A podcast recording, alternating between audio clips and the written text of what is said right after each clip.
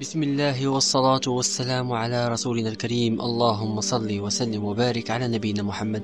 مستمعينا الكرام طابت أوقاتكم وطابت أمانيكم كل حسب توقيت استماعه لهذه الحلقة. أول مرة غادي نبدأ معكم هاد السلسلة هذه من بودكاست يوسف توكس. هاد الحلقات هادو غيكونوا صوتية واختاريت على أنهم يكونوا صوتية لعدة أسباب. منها بغيتكم تركزوا مزيان مع الهضرة أكثر ما تركزوا مع الصورة.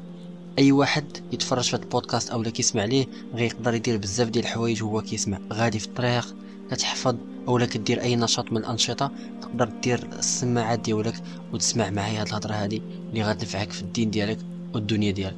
فصلي على الحبيب وبسم الله على بركة الله. هاد الحلقة هادي غادي نعاود لكم على واحد القصة وهو مشهد تقريبا كنعيشوه كل نهار وكنشوفوه بزاف. وما كنتابهوش ليه ولكنه مشهد خطير جدا. فبغيتك تخيل معايا هذا المشهد هذا مزيان. تخيل معايا كتكون غادي في الزنقة والهضرة ديالي راه موجهة للشباب والشابات حتى هما. كتكون غادي في الزنقة ما عليك ما بيك حتى كتبان لك واحد المرأة كبيرة وغادا معاها واحد البنت باقا شابة. وغير بمجرد أنك ما كتشوف فيهم كتبان لك أنه ديك المرأة كبيرة في العمر يعني غالبا في الخمسين الستين السبعين من العمر ديالها. وحداها واحد الشابة باقا صغيرة. تقدر تعطيها فوق من 18 عام. 19 20 عام مهم شابة باينة. وباقا في عز الشباب ديالها. غادة مع ديك السيدة اللي هي مرة كبيرة. مشى منها الجمال ديالها ومشاو الملامح ديالها وصارت امرأة عجوز. وهي غادة مع ديك السيدة غالبا كتقول هذه راها بنتها وهذه هي الأم ديالها. فاللي كيلفت لك انتباه ديالك؟ هو أنه هذيك المرأة كبيرة في العمر. غالبا حتى واحد ما غادي يديها فيها. حتى واحد ما غادي يشوف فيها. ومع ذلك كتلقاها غادا بواحد الثوب طويل وساتر وغادا بالزيف ديالها. بطبيعة الحال عارفين أنه هذاك ماشي حجاب صحيح وحجاب شرعي. ولكن على الأقل ساترة راسها وساترة الجسد ديالها بواحد الثوب طويل وواحد الزيف على راسها. وبالجنب ديالها البنت ديالها اللي غادا معاها اللي فريعان الشباب ديالها في أوج العطاء ديالها وفي أوج الجمال ديالها والجسد ديالها فاتن يفتن الشباب غادة والعياذ بالله شبه عارية. تفتن الناس ذهابا وإيابا طالقة شعرها ودير البارفان. يعني هي لم تستحي من الله ولم تستحي من أمها التي بجانبها ولم تستحي من الناس وغادة هكاك. يعني تفتن الناس ذهابا وإيابا. فأنت كتشدك هذيك الغيرة وكيبقى فيك الحال بزاف وكتقول الأم ديالها غادا معاها والأم ديالها ما نصحاتهاش. أو ما حشماتش من الأم ديالها تخرج قدامها بحال هكاك. يعني ما فهمتش الأم ديالها واش ما بغاش تدوي معاها ولا ما كدويش معاها ولا. فأنت كتجيك هاد الغيرة هادي وكتمشي لعندها. كتقول لها السلام عليكم لا واش ممكن نتكلم معاك؟ كتقول لك تفضل ولي. كتقول الله يخليك الحاجة انت تبارك الله غادا مستورة وهذا ولكن البنت ديالك راه غادا شبه عارية. يعني راه إحنا ما بغيناش نخلعوك لالا ولكن راه هادشي اللي كدير بنتك راه خطير بزاف ويقدر يؤدي بها لجهنم. لأن الرسول صلى الله عليه وسلم قال عن الكاسيات العاريات المائلات المميلات أنه ما غيدخلوش الجنة ولن يجدن ريحة. واش تبغي لبنتك جهنم؟ ها تبغيها. فهنا كتكون أصلا من بعد ما قلتي لها الهضرة مرأة كتسمع لك حتى كتكمل هضرتك. وكتكون كتأمل خير وكتقول المرأة غادي تفهم وغادي تدور في بنتها وتقول لها بنتي جمعي راسك وستري راسك وهذا اللباس راه ماشي لباس وحدة مسلمة وراني خايفة عليك من نار جهنم ومن غضب الله عز وجل. فكتفاجأ بواحد ردة ديال الفعل اللي خطيرة واللي ما كنتش كنتوقعها. ردة فعل يعني كتبدا تقول واش هذيك المرأة اللي كانت غادة معها واش فعلا الأم ديالها واش فعلا باغا الخير لبنتها ولا لا؟ كتقول لك واش كنت أصلا باش تدوي على بنتي ولا تدوي عليا؟ شكون انت أصلا باش تدخل شكون اللي عطاك الحق أصلا باش تدخل؟ وأنت أصلا غادي بنية حسنة تريد فقط أن تنهاها عن ذلك المنكر وأن تأمرها بالمعروف. فكتقول لك دخل سوق راسك ماشي سوق بنتي هذيك تلبس اللي بغات خليها تعيش حياتها. مازال صغيرة مازال ما شافت ما تشوفات. مازال يلا عندها عشرين سنة. وتنوض هي تلوي راسها في واحد التوب. طويل وكبير يرجعها مرا شارفة بحالي. آه فمن بعد كتحاول تفهم شنو المشكل بالضبط. كتقول علاش هاد المرأة هادي؟ بلاص ما تكون خايفة على بنتها من نار جهنم. ما خايفاش عليها من نار جهنم وخايفة عليها من نظره الناس خايفة عليها من كلام الناس اللي ما غادي ينفعها والو. وهنا بزاف ديال الناس منكم غادي يتسائلوا غادي يقولوا أصلا أين هو الأب الأول اللي أصلا مخلي بنته خارجة بحال هكا؟ بطبيعة الحال راكو كان الأب ديال اللي غادي معاه والعياذ بالله راه كاينين بزاف ديال الآباء اللي كنشوفوهم كيمشيو للمدارس وكيصطحبوا البنات ديالهم كيجيبوهم من المدرسة وكيطلعوا معاهم في الطوموبيل اولا في الدراجة وكتكون بنته غير محجبة وغادة عريانة ومع ذلك ما ما كتحرك فيه والو. يعني والغريب في الأمر أن هنالك رجال يعني كنشوفهم كاع كيجيو للمسجد ويصلوا جماعة مع الناس ونعلم من هن بناتهن وزوجاتهن كنعرفوهم كاسيات عاريات. فوالله العظيم أستحي في مكاني. أنا كنستحي في بلاصتهم أنني ندخل الجامع وكل الناس يعلم أن هذه الفتاة المتبرجة هي ابنتي من صلبي وأن تلك المرأة المتبرجة المتعطرة هي زوجتي. والله العظيم أنا أستحي في مكانهم وأسأل الله لهم الهداية ولنا جميعا. فكيف ما قلت لكم كتبدا تفكر شي شوية وكتبدا تحلل وكتقول علاش هاد المرأة هادي؟ شنو اللي خلاها؟ تخاف من الهضرة ديال الناس وما تخافش من نظرة الله عز وجل. هذا داخل فيه حتى الخوف من المستقبل. بزاف ديال الوالدين باغيين يأمنوا المستقبل ديال البنات ديالهم أكثر يعني في الدنيا أكثر ما يأمنوا لهم المستقبل ديالهم في الآخرة. وهذه مسألة خطيرة جدا. كتقول لك أنا بنتي باقا صغيرة باقا ما شافت ما تشوف تخليها تعيش حياتها. حنا لحد الآن بغينا نعرفوا شنو مازال بغيتي بنتك تشوف؟ تشوف الحرام؟ شنو بغيتيها تعيش مازال تعيش الحرام دير علاقات غير شرعية. باش هكا تسمى راها عاشت تبغيها تعيش في الحرام. لا راه غادي نعيشو غير مرة واحدة وراه حتى في جهنم اولا في الجنة. راه كاينة حياه الخلد. وما تبغيش الحياة الخلد لبنتك في الجنة. راه في الدنيا راه ما كايناش هادشي. فاش انت فاش كتبقى تفكر بحال هكا كتبدا تقول هاد السيدة هادي مستعدة تعري البنت ديالها باش يجيو فيها الخطاب حيت كتقول لك أنا بنتي إلا دارت النقاب وغطات وجهها ما غيبقى حتى شي واحد يسول فيها. ما غادي يبقى حتى شي واحد يقدر يخدمها مثلا إلا بغات تخدم. غادي يرفضوها ما غاديش تكون مقبولة في المجتمع. وهذا غلط لأنها رزقها ليس على الناس رزقها على الله عز وجل. فكانت ترزق في بطن أمها. كانت ترزق في بطن أمها وكانت ترزق عندما كانت طفلة صغيرة تجري وتلعب. ولا تعلم أصلا شيئا عن النقاب وعلى الحجاب وعلى الرزق وعلى الدنيا بصفة عامة. والآن بعدما أن صارت شابة يافعة تثير الأنظار وتريد العفاف صرنا نريد أن نقول لها لا الآن خافي على رزقك. الآن خافي من المجتمع لأنه لن يعطيك المال إذا تغطيت وتحجبت وهذا عيب وعار علينا أن نقوله وربنا الله.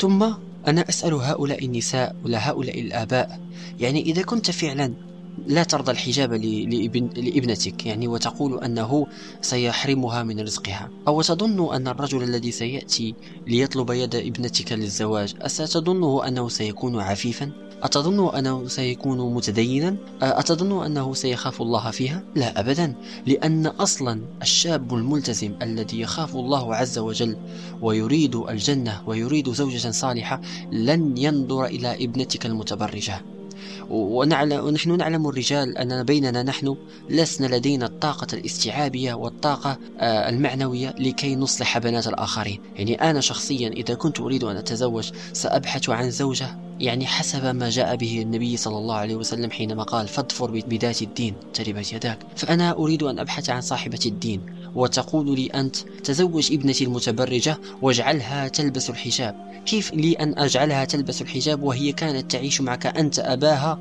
لمدة عشرين سنة أو أكثر ولم تقنعها بالحجاب ولم تلزمها به؟ فكيف لي أنا أن أتي في عام واحد وفي يوم واحد أن ألزمها بالحجاب؟ ستقول لي اصبر معها. لا لن أستطيع أن أصبر معها. لن أستطيع ذلك لأنني إن أردت أن ألزمها الحجاب لسنوات لأقنعها به فيجب علي أن أحبسها في البيت. سأقول لها لا لا يمكنني أن أخرجك هكذا يعني متبرجة. وهذا الشيء خطير بزاف. كيفاش غادي ندير نخرج هذه المرأة هذه للزنقه وهي متبرجة؟ فأنا خصني ناخذ أصلا محجبة من دارهم ومتدينة. ماشي غناخذها عاد نبدا نشرح لها أنايا الحلال والحرام اللي بين وسهل. فهذه رسالة للآباء اللي كيسمعوا هذا البودكاست هذا. يعني آه، عاونوا ولادكم وستروهم. راه والله العظيم إلى التبرج ديالهم سوف تحاسبون عليه وسوف تسألون عليه. تخيل معي يوم القيامة يأتي الله عز وجل ويسألك لماذا لم تأمر زوجتك وابنتك بالحجاب؟ أستقول له كنت أخاف من الرزق؟ أستقول له كنت أخاف من نظرة المجتمع؟ كنت أخاف عليها ألا تتزوج؟ كنت أخاف عليها من ألا تشتغل في مناصب عليا أو لا تدرس في مدارس كبرى؟ لا والله هذا ليس عذرا يقبله الله عز وجل بل الحجاب كالصلاة والصيام يعني كلها فرائض والفرض هو بين جنة ونار. يعني يجب عليك أن تستوعب أنه كل ما هو فرض فهو جنة ونار. يعني الآن أنت لست تلعب بين مستحب ودرجات جنة. لا جنة ونار. والرسول صلى الله عليه وسلم في الحديث الصحيح كان حاسما وجازما في هذا الأمر أنه الكاسيات العاريات المائلات المميلات لا يدخلون الجنة ولا يجدن ريحها. والأكثر من ذلك. هنالك العديد من الفتيات يكذبن على أنفسهن بوضع يعني نوع من الأتواب فوق رؤوسهن يغطين رأسهن ويظهرن يعني واحد شوية من الشعر ديالهم أو لا يعني كيلبسوا هذاك الزيف ومعاه سروال وقميجة. كيديروا ذاك الزيف وكيديروا معاه الميك اب ولا الماكياج لا يعني الزينة. كيديروا ذاك الحجاب ديالهم أو ذاك الزيف ديالهم كتزيد معاه العطر وتتعطر وتقول أنا محجبة لا والله العظيم هذاك ماشي هو الحجاب. والمشكلة الكبيرة هو أنه لا الآباء ولا حتى الفتيات يعلمن يقينا أن ذلك ليس هو الحجاب. يعلمن ذلك يعرفوا أنه هذاك الشيء ماشي هو الحجاب. ولكن ما الذي يمنعهم من أن يلبسوا الحجاب الصحيح؟ وهو سهل للغاية يعني اللي لب إلا وصلتي أنك تلبسي ذاك الزيف راه ما بقاش لك بزاف. بقى لك غير تزيدي واحد العباية طويلة واحد توب فوق الوجه ديالك. وهانتي وليتي محجبة وبخير وعلى خير. وحياتك غادي تيسر. أنا ما بغيتش نطول عليكم في الحلقة. أنا بغيتكم غير تخيلوا معايا ذاك المشهد اللي تصورناه في الأول ديال كيفاش المرأة العجوز محجبة ودير الزيف ديالها والشابة الفاتنة اللي غادة معاها متبرجة يعني ولا واحد يعني غادي داكشي بالمقلوب. الله المستعان. أنا غير بغيت نختم لكم هذه الحلقة هذه بواحد الآية اللي كتعرفوها كاملين واللي أنا شخصيا آه، أصبحت أسير عليها. يعني مرة كنطيح مرة كنوض ولكن مخليها شعار في حياتي مخليها ديما قدام عينيا. كيقول لك الله عز وجل ثلاثة الأمور من يتقي الله يجعل له مخرجا ويرزقه من حيث لا يحتسب. هاد ثلاثة الأمور هادو والله العظيم أنا متيقن كل اليقين والله على ما أقول شاهد واظبوا على هاد الثلاثة هادو. إلا واظبتي عليهم إلا إلا حفظتيهم يعني حفظتيهم في العقل ديالك في القلب ديالك والله العظيم ستلاحظ الفرق. إذا إذا كنت تتقي الله في نفسك وفي أهلك وفي أصدقائك وفي حياتك تتقي الله سيجعل لك مخرجا. والمخرج لها معاني كثيرة حسب ما جاء به العلماء وفي التفاسير. يعني المخرج لديها عدة يعني معاني وتفاسير ثم سيرزقك من حيث لا تحتسب يعني أول حاجة البنات كتقولك أنا إذا درت النقاب مثلا سوف أحرم من الدراسة من العمل من الزوج من العديد من الأمور. كيف لي أن أتزوج؟ كيف لي أن أدرس؟ كيف لي أن أشتغل؟ كيف لي أن أحصل رزقا؟ والله يقول لك ومن يتق الله يجعل له مخرجا. يعني هذيك المسألة اللي انت شاغلة لك البال ديالك ربي غيدير لك منها مخرج. كوني على يقين ربي غيدير لك منها مخرج. وهذا الشيء كله حيت غادي توكل على الله وغتثقي بالله عز وجل. ثم شنو غيدير الله عز وجل؟ سيرزقك من حيث لا تحتسبين. يعني انت لو كنت كتظني أنك غادي ترزقي بسبب الدبلوم ديالك أو بسبب الوظيفة ديالك لا لا والله ما هذا. ربي غيرزقك من شي بلاصة ما كنتيش كتضربي ليها الحساب. يقدر يرزقك بزوج صالح يقدر يرزقك ب يعني بواحد الذريه صالحة من بعد. وحنا مشكلتنا البشر سيكو كنأطروا الرزق ديال الله عز وجل بالمال. والمال هو أدنى درجات الرزق. الرزق يعني عنده بزاف ديال المعاني. الرزق قد يأتي على شكل زوج صالح على شكل ذرية صالحة على الرزق صحة. آه الإسلام ورزق آه النعم اللي دايرين بكلهم راه رزق من عند الله عز وجل. ثم حينما سيرزقك من حيث لا تحتسبين ستجدين أنه رغم ارتدائك لذلك الحجاب وعففتي نفسك ربي دار لك مخرج من كاع داكشي اللي كان شاغل لك بالك وربي رزقك من حيث لا تحتسبين. وهذه تقدروا تمشيو تسولوا أي وحدة منقبة دايرة الحجاب الشرعي ديالها قولي لها كيفاش دايرة الحياة ديالك كيفاش كانت قبل ما ديري النقاب وكيفاش ولات من بعد. والله العظيم وأنا كأقولها ولدي شهادات حقيقية أنهن يعيشن مثل الأميرات. لا في البيت ولا في خارجه. يعني كتكون خارجة كتعيش بحال شي أميرة. كلشي كيخوي ليها الطريق. كلشي كيخليها دوزي الأولى. حتى واحد ما كيتزاحم معاها حتى واحد ما كيتحكك معاها. آه كلشي كيحترمها حتى واحد ما كيشوفها. كلشي كيحضر راسو. ما غيجيش واحد يقول لي لا راه كاين اللي كيتبسلو هذاك مريض هذاك حالة. بوحده أنا كندوي لك على عامة الناس. ولكن إلا كنتي متبرجة بالبارفان ديالك والله العظيم الشاب الملتزم اللي غادي المسجد غادي تفتنيه. وتخيلي مع راسك تنيه وانت دزتي وما تسوقتيش ليه أصلا. انت ما شفتيش فيه حتى ما صحابش لك أصلا بلي هو شاف فيك. ولكن السيئات كيتقيدوا عليك. تخيلي معايا كل شاب دابا إلى يومنا هذا وانت كتسمعيني وما التزمتيش بالحجاب الشرعي. كل نهار كيشوفك شي واحد اولا كيشم ريحتك. تخيلي معايا كل نهار تعتبرين زانية وتعتبرين متبرجة وكتجمعي السيئات. ديك الصورة ديال البروفيل الصورة ديال الحساب ديالك اللي حاطاها وناشراها الصور ديالك والفيديوهات ديالك اللي كتبيني فيهم راسك في المواقع. تخيلي معايا انت ناعسة ناعسة والسيئات خدامة. انت كتقراي والسيئات جارية خدامين العداد خدام. انت راكي كتصلي كتجمعي جبال من الحسنات وفي نفس الوقت كتجمعي جبال من السيئات وانت لا تدرين. فهذه الفرصة. إلا ما كنتيش داير الحجاب دابا من بعد الحلقة قولي صافي. غادي ناخذ قرار سأرجع إلى الله عز وجل. والله قد وعدني وقال لي ومن يتوكل على الله فهو حسبه ومن يتقي الله يجعل له مخرجا. يعني والله العظيم أنا أستغرب. يعني أنتم خايفين لسيدي ربي يتخلى عليكم. وما يرزقكمش وأنتم متبرجات وأنتم خارجين على الطريق ما ملتزمينش من الطريق. وفاش غادي تلتزموا بالطريق ربي غيتخلى عليكم. لا حاشاه والله العظيم.